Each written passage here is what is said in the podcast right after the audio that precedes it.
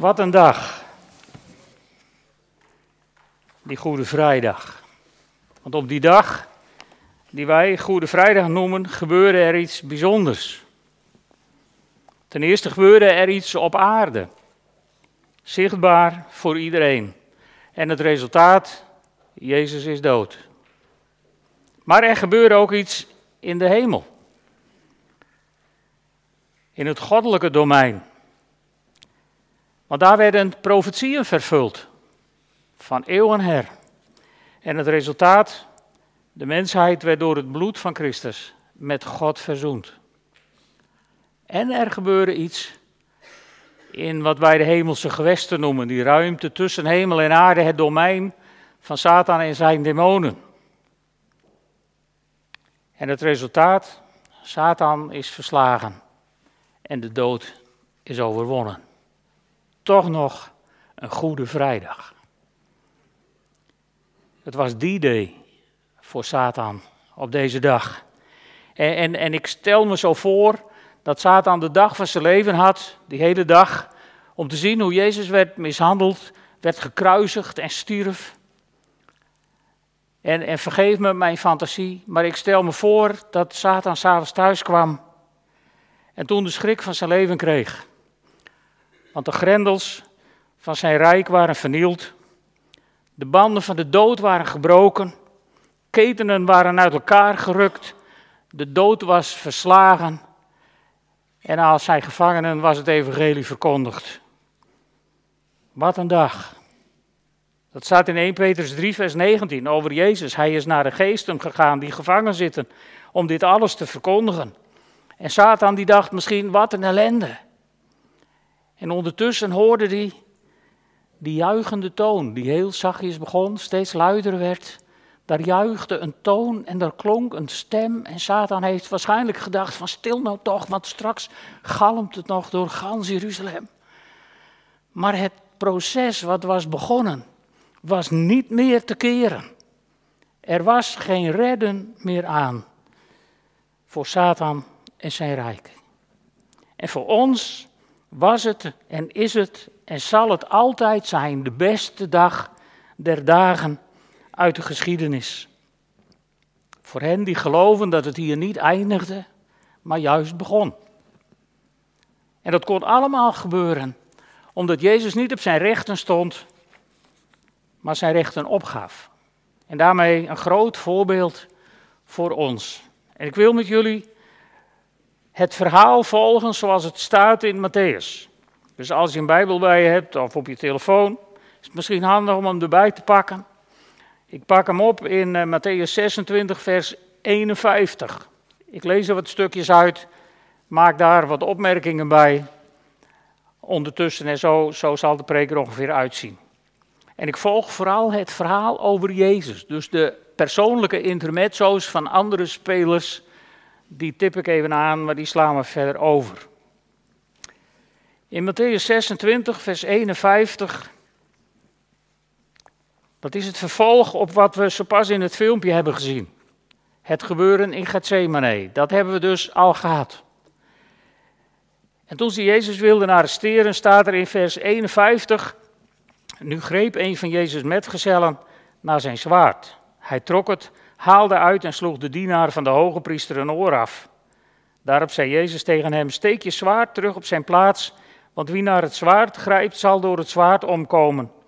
Weet je niet dat ik mijn vader maar te hulp hoef te roepen en dat hij mij dan onmiddellijk meer dan twaalf legioenen engelen ter beschikking zou stellen? Ik zal je vertellen, als ik op die plek was geweest, had ik die verleiding niet weerstaan. En dan was het niet doorgegaan, die goede vrijdag. Maar gelukkig was het niet ik, maar was het Jezus. Hij zag af van zijn macht, van zijn recht, van zijn mogelijkheid hij leverde het in. En dan gaan we verder in vers 54. Want dan zegt hij tegen de mensen: hoe zouden dan de schriften in vervulling gaan? Want daar staat het dat het zo moet gebeuren. Toen zei Jezus tegen de omstanders: Met zwaarden en knuppels bent u uitgetrokken om mij te arresteren alsof ik een misdadiger ben. Dagelijks was ik in de tempel om onderricht te geven en toen hebt u me niet gevangen genomen. Maar dit alles is gebeurd opdat de geschriften van de profeten in vervulling gaan. Daarop, liepen alle leerlingen, daarop lieten alle leerlingen hem in de steek en vluchtten weg. Dus Jezus wees naar de schrift die vervuld moest worden. En je moet je herinneren, hier waren de schriftgeleerden en de fariseërs, de theologen van Jeruzalem, waren hier allemaal bij. Hè? Die waren mee uitgetrokken om hem gevangen te nemen. Maar het kwartje viel niet. Terwijl Jezus twee keer verwijst naar wat er geschreven stond in de profeten. Maar dat hielp niet. En Jezus gebruikte zijn macht niet. En het gevolg daarvan was dat iedereen hem alleen liet. Dat is vaak zo. Als je de onderste weg kiest te gaan en niet voor je gelijk wil vechten, zijn er vaak niet veel mensen die achter je blijven staan. Maar je juist in de steek laten. En dan gaan we verder bij vers 57.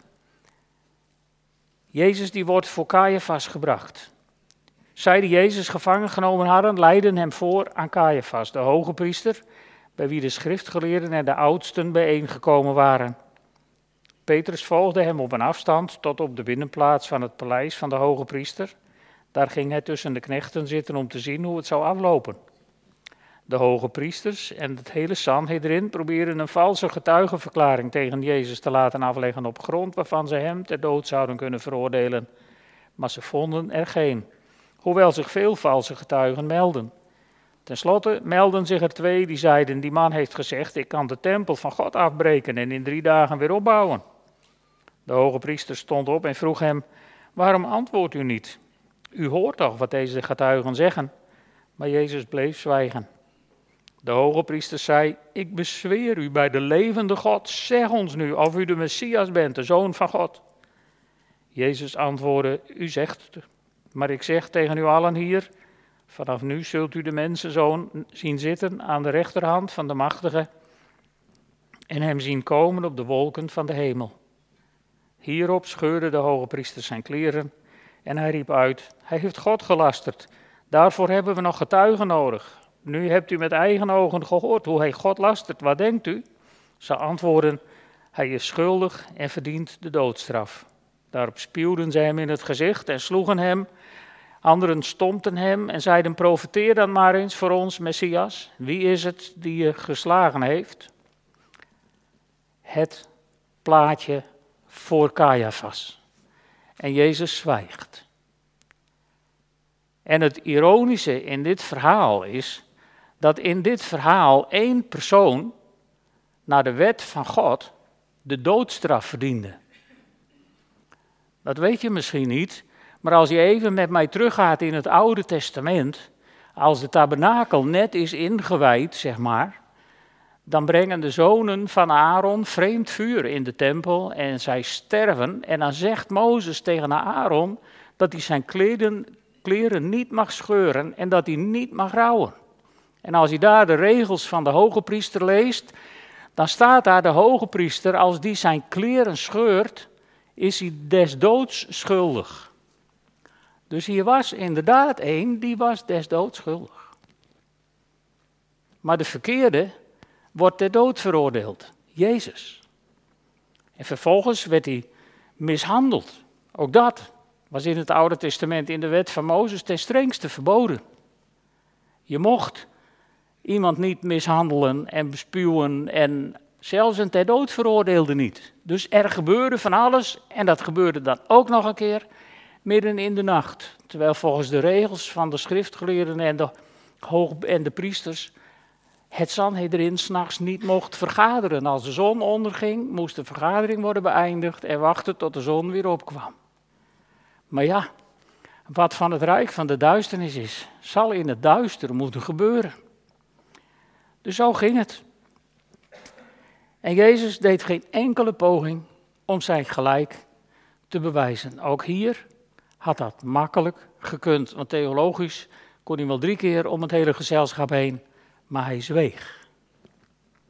En dan komt het verhaal, het intermezzo, eventjes zeg maar, van de verloochening van Petrus. Nou, dat is een ander verhaal, dat zou een andere preek zijn, dus dat laten we vanavond voor wat het is.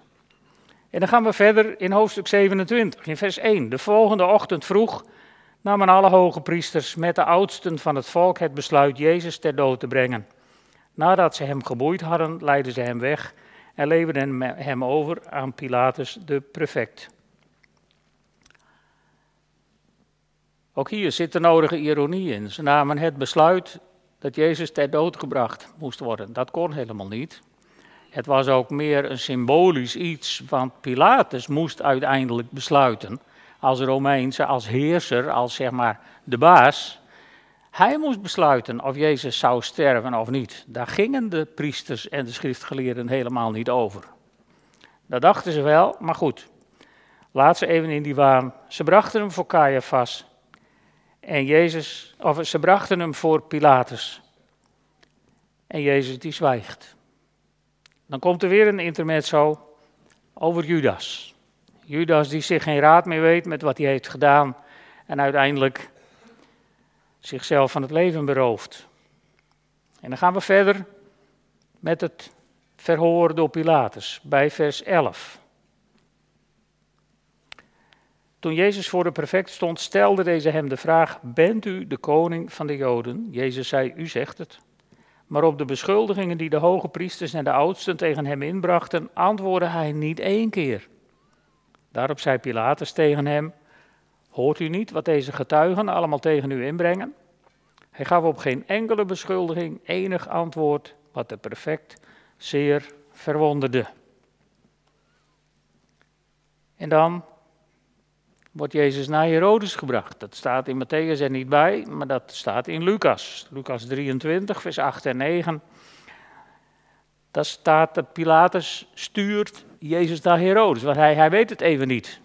En normaal gesproken is Herodes daar, zeg maar, de, de, de, de underdog, die is er wel. Maar Pilatus, die heeft niet zo'n hoge pet op van Herodes. Bovendien is Herodes een ondergeschikte want Pilatus was de vertegenwoordiger van de keizer. Maar nu het hem goed uitkwam, denkt hij, ach, laat Herodes dan hier ja, zijn reputatie maar aan wagen, maar ik niet. En dan wordt Jezus naar Herodes gebracht. En Herodes, staat er dan, was bijzonder blij toen hij Jezus zag, want hij wilde hem al heel lang ontmoeten.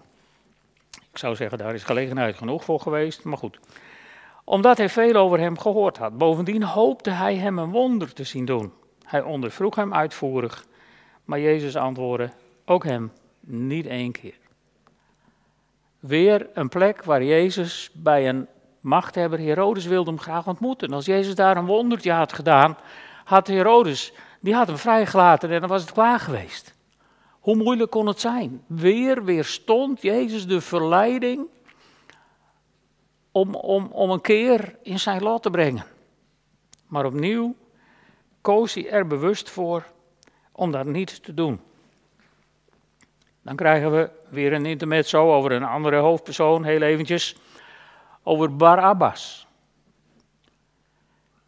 En ook hier zit zoveel ironie in, want als Pilatus aan het volk vraagt van wie moet ik vrijlaten, Jezus of Barabbas, dan moet je even realiseren wat Barabbas betekent. Wie moet ik vrijlaten? Jezus of de zoon van de Vader? Wie was hier de zoon van de Vader met hoofdletters? Jezus. Maar ze kiezen voor de zoon van de Vader met kleine letters. Barabbas. Wat kunnen we soms als mensen onnozele keuzes maken? Als Jezus je vraagt om ergens voor te kiezen. En na Barabbas wordt Jezus aan de soldaten overgegeven. Ik ben dan inmiddels in vers 27. De soldaten van de prefect namen Jezus mee naar het pretorium, het plein in de kazerne, zeg maar, en verzamelden de hele cohort om hem heen. Ze kleden hem uit, deden hem een scharlakenrode mantel om, een koningsmantel. Ze vlochten een kroon van doorntakken en zetten die op zijn hoofd. Ze gaven hem een rietstok in zijn rechterhand en vielen voor hem op de knieën. Spottend zeiden ze, gegroet, koning van de Joden. En ze spuwden op hem, pakten hem de rietstok weer af en sloegen hem tegen het hoofd. Nadat ze hem zo hadden bespot, trokken ze hem de mantel uit, deden hem zijn kleren weer aan en leidden hem weg om hem te kruisigen. En ook hier opnieuw zwijgt Jezus in alle talen. Hij haalt zijn gelijk niet. Maar hij zwijgt. En dan komt de kruisiging. Daartussen zit nog een klein stukje over Simon van Cyrene, die het kruis moet dragen. Dat is maar een heel kort stukje, dus dat lees ik mee. Vers 32. Bij het verlaten van het pretorium troffen ze een man uit Cyrene die Simon heette en dwongen hem het kruis te dragen. Kennelijk was Jezus al zo ver verzwakt dat hij dat niet meer kon. Zo kwamen ze bij de plek die Golgotha genoemd wordt, wat schedelplaats betekent. Ze gaven Jezus met gal vermengde wijn, maar toen hij die geproefd had, weigerde hij ervan te drinken. Nadat ze hem gekruisigd hadden, verdeelden ze zijn kleren onder elkaar door erom te dobbelen. En ze bleven daar zitten om hem te bewaken. Boven zijn hoofd bevestigden ze de aanklacht die luidde: Dit is Jezus, de koning van de Joden. Daarna werd er hem, werden er naast hem twee misdadigers gekruisigd. De een rechts van hem, de ander links. De voorbijgangers keken hoofdschuddend toe en dreven de spot met hem. Jij was toch die man die de tempel kon afbreken en in drie dagen weer opbouwen? Als je de zoon van God bent, red jezelf dan maar en kom van het kruis af. Als er nou één mens op deze aarde was die dat zou kunnen, van het kruis afstappen terwijl je daar vastgespijkerd hangt. Als er één mens op deze aarde was die dat zou kunnen, was het Jezus. En hij wordt notabene uitgedaagd. Dus je kunt ook niet zeggen, nou, het kwam niet in hem op of zo. Nee, hij werd uitgedaagd. Kom er maar af. En dat had hij zo kunnen doen. En wederom, als ik daar had gehangen, dan had ik dat waarschijnlijk gedaan. Uit angst voor wat er nog zou komen. Maar gelukkig ging ik daar niet, maar Jezus. Zie je al die uitdagingen die Jezus kreeg om het proces te onderbreken? Om, om een legioen engelen te bestellen en, en zeggen, nou, het is wel goed met jullie. Ik ben er klaar mee. Ik kap. En dat deed hij niet. Elke keer niet. Dit is het verhaal, als je het verhaal van de kruisiging leest, dan, dan, dan, dan zie je een verhaal van keuze op keuze op keuze om door te gaan met wat was begonnen. Sommige mensen beweren dat het Jezus overkwam, dat hij er ook niks aan kon doen, maar dat geloof ik niet. Dit was zoveel goddelijke regie op deze dag. Er werd zo nauwkeurig het draaiboek van de profetieën uit het Oude Testament vervuld. En Jezus koos keer op keer om door te gaan. En die verzoeking die was denk ik erger dan die verzoeking in de woestijn. Overal leverde Jezus zijn gelijk in. En dan gaan we naar vers 45. Rond het middaguur viel er duisternis over het hele land, die drie uur aanhield. Aan het einde daarvan, in het negende uur, gaf Jezus een schreeuw en riep luid: Eli, Eli, lama sabachthani. Wat wil zeggen: Mijn God, mijn God, waarom hebt u mij verlaten? Er was dus nog iemand die zijn rechten opgaf, die niet gebruik maakte van wat hij eigenlijk zou moeten doen. Want toen God Jezus daar zag hangen, beladen met alle zonde en alle ongerechtigheid en alle shit van deze wereld, dat was allemaal op hem geladen aan het kruis, was er voor God, als hij goed keek, eigenlijk maar één optie: vuur van de hemel sturen en de hele boel vernietigen. Dat zou passen bij de heiligheid van God. Maar God deed het licht uit en God draaide zich om en keek niet. En dat was het diepste punt in het lijden van Jezus. Hij had zo'n pijn. Hij had het zo moeilijk.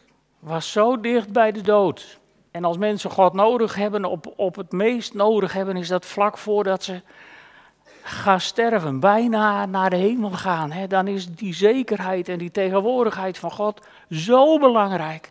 En zelfs dat werd Jezus ontzegd. Want God draaide zich om en keek niet. Niet omdat hij het niet aan kon zien, maar omdat hij wilde voorkomen dat hij vanuit zijn heiligheid het proces zou moeten onderbreken. Dus ook God stond niet op zijn strepen, maar leverde het in. En dan lezen we weer vers 51. Als Jezus nog eens schreeuwde Jezus het uit, toen gaf hij de geest. Op dat moment scheurde in de tempel het voorhangsel van boven tot onder in tweeën. En de aarde beefde en de rotsen spleten, de graven werden geopend en de lichamen van veel gestorven heiligen werden tot leven gewekt. Na Jezus' opstanding kwamen ze uit de graven, gingen de heilige stad binnen en maakten zich bekend aan een groot aantal mensen. Hier gebeurt zoiets bijzonders. Jezus sterft en het voorhangsel scheurt. En wat betekent dat, dat het voorhangsel scheurt? Dat betekent dat de heiligheid van God toegankelijk werd voor mensen. Niet meer door het medium van de priester, maar God zelf werd toegankelijk voor mensen. Jij en ik kunnen, als we willen bidden, gewoon tot God naderen. Gewoon, dan hoeven we niet in een tempel, in een voorhof te blijven staan, terwijl de priester voor ons, zeg maar, tot God nadert. Wij mogen tot God naderen. En de evangelist, die zet er heel duidelijk bij het voorhangsel scheuren van boven naar beneden. Dus het was als het ware God die de boel uit elkaar trok. Van nu is het klaar. Zijn mensen die zeggen, ja maar er was ook een aardbeving, dus misschien scheurde dat gordijn daardoor wel. Maar weet je, dat gordijn was twee handbreedtes dik, hè, dik. Over het tapijt gesproken.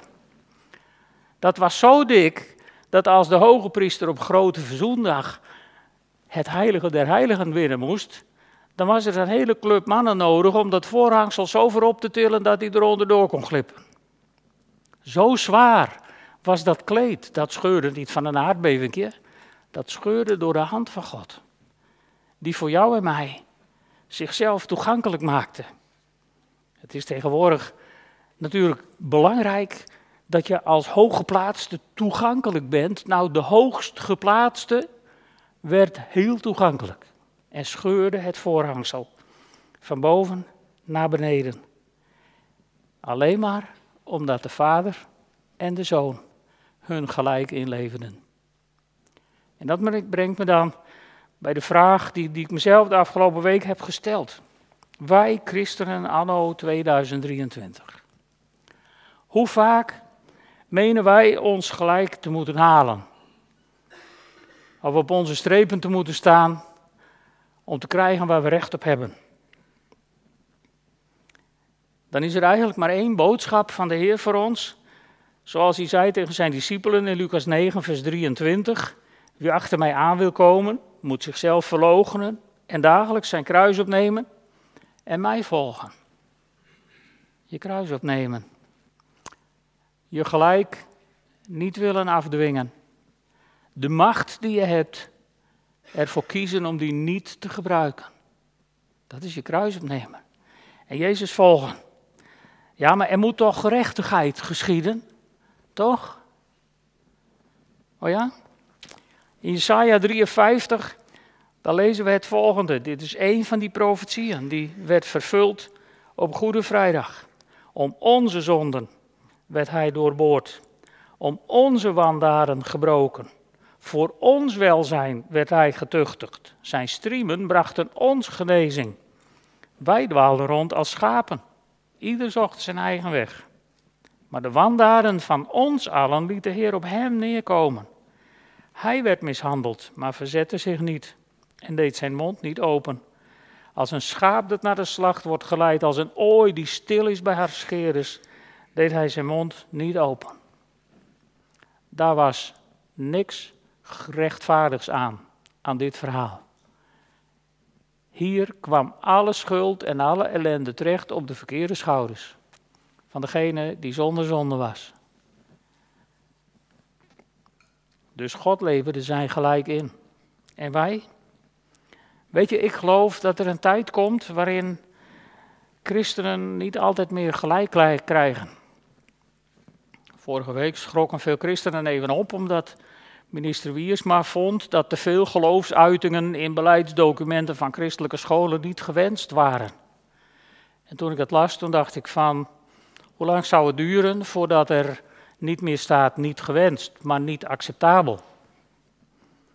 En hoe lang zou het daarna dan misschien nog duren voordat dat verboden wordt? Het zou zomaar kunnen. We leven in een tijd waarin het niet meer vanzelfsprekend is. Dat je als christen rechten hebt en je kruis opnemen, dat kon de komende tijd wel eens minder theoretisch worden dan we de afgelopen eeuwen in Europa hebben gedacht. Een tijd waarin het volgen van Jezus een prijs zal hebben. En dan is Jezus ons grote voorbeeld. Hij deed zijn mond niet open. Hij dwong zijn gelijk niet af. En dat zie je ook heel mooi in het belangrijke stukje over het avondmaal, wat we zo meteen gaan vieren. Ik ben even terug in Matthäus 26. In vers 21, daar staat onder het eten, zei hij tegen hen, ik verzeker jullie, één van jullie zal mij uitleveren. Dat wist Jezus dus. En verderop, dan zegt hij tegen Petrus, ik verzeker je, deze nacht nog zul je voordat de haan gekraaid heeft mij driemaal verloochenen. Dat wist Jezus dus.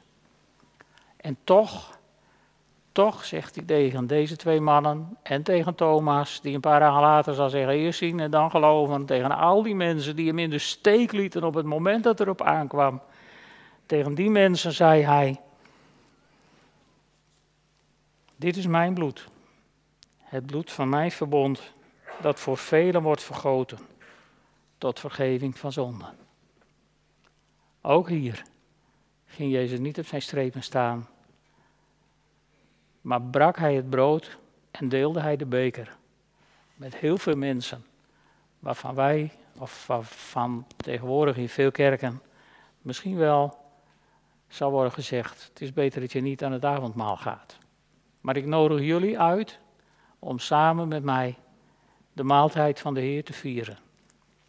Hoe jij er ook in zit, wat je van de week ook achter de rug hebt. Misschien heb je genezing nodig. Misschien heb je vergeving nodig ergens voor. Weet dan één ding. In zijn striemen is ons genezing geworden, hebben we gelezen. Door zijn bloed zijn onze zonden vergeven. Dus neem de vrijmoedigheid en laten we zometeen samen een avondmaal vieren. Zullen we eerst bidden. Heere God, op deze dag herdenken we die verschrikkelijke avond, of die verschrikkelijke dag, waar uw zoon op een onmenselijke manier stierf. Aan het wreedste martelwerktuig wat ooit is uitgevonden. En zoals we hebben gezien, hier waren er talloze momenten waar u had kunnen kiezen om het niet te doen maar u koos keer op keer voor ons.